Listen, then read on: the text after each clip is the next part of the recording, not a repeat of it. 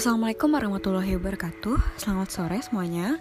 Kembali lagi dengan saya Nazizah. Di sini saya ingin membahas tentang topik pembelajaran di SD. Salah satunya adalah barang pribadi dan dokumen berharga.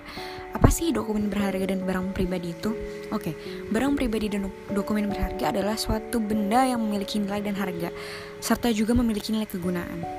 Dan banyak hal untuk mendapatkan barang berharga atau dokumen pribadi tersebut, antara lain kartu keluarga, KTP, piala, penghargaan, dan lainnya. Untuk mendapatkan KTP misalnya, kita harus mencapai usia 17 tahun minimalnya untuk mendapat KTP atau untuk mendapatkan piala kita harus melalui sebuah kompetisi untuk memenangkan kompetisi tersebut sehingga mendapat piala. Bagaimana sih caranya kita menjaga dan merawat dokumen pribadi supaya tidak mudah rusak dan dapat disimpan dalam waktu jangka yang lama. Pertama, kita rawat dan simpan di tempat yang aman, jauh dari jangkauan anak